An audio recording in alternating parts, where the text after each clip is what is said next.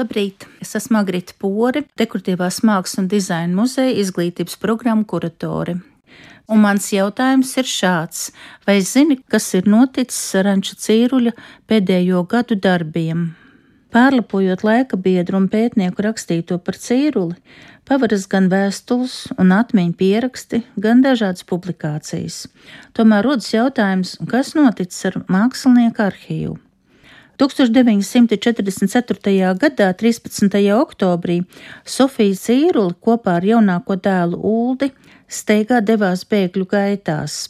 Tā kā cerība bija, ka prombūtne nebūs ilga, līdz tika paņemts tikai nepieciešamais un svarīgākais Ģimene esot uzticējusi pieskatīt dzīvokli sētniekam, labam cīruļa draugam, bet glēsnes Sofija paspējusi nodot glabāšanā Rīgas svētā Jāņa baznīcas mācītājiem Meirāna kungam. Pēc kara gan noskaidrojās, ka okupācijas vara tās bija atsevinājusi un iznīcinājusi. Mākslinieks Anča Cīruļa brāļa dēls Kārlis Cīrulis atceras arī notikumus, kas tolaik norisinājušies mājā kāpju ielā 13. Gleznas un to, kas palika Anča onkuļa dzīvoklī, iznīcināja fabrikas arotskolas audzēkņi, kuri mācījās dzīvoklī ierīkotajā skolā, izmeta tēvoča gleznas pagalmā, apmētāja tās ar akmeņiem, skārbi. Pošoties ceļā, Sofija vēl paspējusi dažus cieruļu darbus un šķiet arī dokumentus nobeidzināt mākslinieka drauga, gleznotāja Ernesta Veilanda Ausakļielas namas pagrabā, bet mitrumā tie ātri gājuši bojā.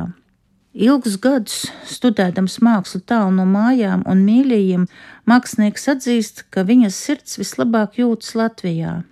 Taču ar lielu apņēmību Cīrulis jūlijā madirnieku mudināts septiņas vasaras pavada Parīzē. Vēstulē Sofijai Cīrulis raksta, kad iet un steidz un skata un sajūsminās un ir ko abrīnot, tad tik ir šī dzīve.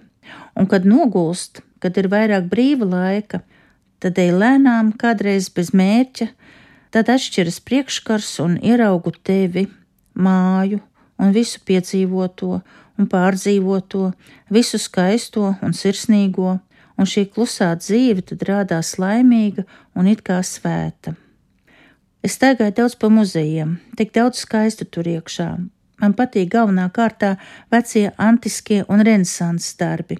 Vismodernākās lietas ir diezgan šķidras, Sorbonā arī biju, klausījos lekcijas par mākslas vēsturi, apmeklēju Mākslas akadēmijā anatomijas lekcijas.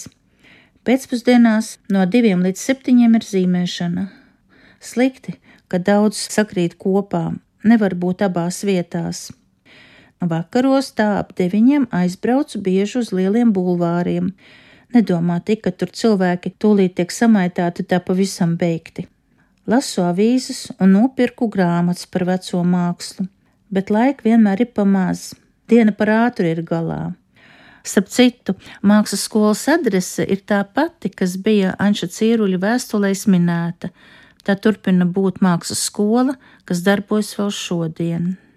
1936. gadā pēc arhitektu Viktora Mellenberga un Aleksandra Birzenieka projekta top dzintaru koncertzāle.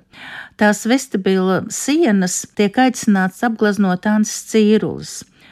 Tie ir mākslinieka pēdējie darbi. Diemžēl 20. gadsimta 60. gados to sabojāja. Arī cīruļa paraksts tika paslēpts zem krāsas. Tikai 2016. gadā cīruļa glaznojumi Jūra, Latvija un Lielupe tika atjaunoti.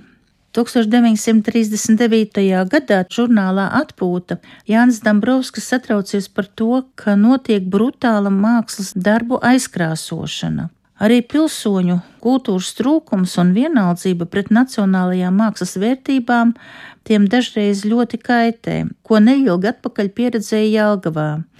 Priekš 15 gadiem pazīstamais zemnieciskais darbinieks Nelaiķis Bisenieks glaznotājiem Ansim Cīrulim pasūtīja liela formāta gleznas ar nacionālu saturu, kas bija domātas kādam Jelgavas uzņēmumam. Glaznas darināts fresku tehnikā, pieskaitāms cīruļa labākajiem darbiem un bija vērtīgi ieguvumi mūsu mākslā. Nesen, atrodoties Jelgavā, gribēju atkal pie minētām glaznām pamielot acis, bet tās vairs agrākā telpā neatradu.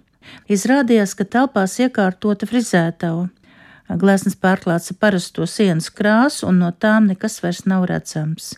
Kāpēc tāda apiešanās ar nacionālām mākslas vērtībām? Reti kādam māksliniekam izdodas saglabāt sevi iekšēji veselu un nedalāmu, kā to varēja Sānis Cīrulis, atceras glaznotājs un mākslas kritiķis Olģerts Saldavs. Strādāt un radīt viņš varēja tik savās mājās, savā darbnīcā, klusā mājīgumā. Pilsētā Ants Cīruls jutās labāk nekā laukos. Vasarā, kad ģimene dzīvoja jūrmalā, viņš turp aizbrauc tikai divas reizes nedēļā. Aivaram, mākslinieku vecākajam dēlam, palikusi atmiņā kāda tautas dziesma, kas tēvam ļoti patikusi, un strādātams viņš to bieži dungojas. Nu sala, nu sala, sasala jūriņa līdz dibenami, no laba braukšana dzintara zemē, dzintara zeltenis lūkoties. Mākslinieka draugs Sanšlaus Eglīts atzīst, ka laikam neviens no latviešu māksliniekiem nav ziedojis tik daudz pūļu Latviju senatnes pētīšanai un viņas formu pielietošanai un pārveidošanai mūsdienu prasībām kā Ansis Cīruls. Un vēl jāpiebilst, ka pavisam drīz Anča Cieruļa vārds atkal izskanēs Zintaru koncertzālē. Tas būs 4. novembrī Viļa Daudziņa un Jānis Šipkevica muzikālajā uzvedumā Ansis Cīruls, ģēnijs Latvietis.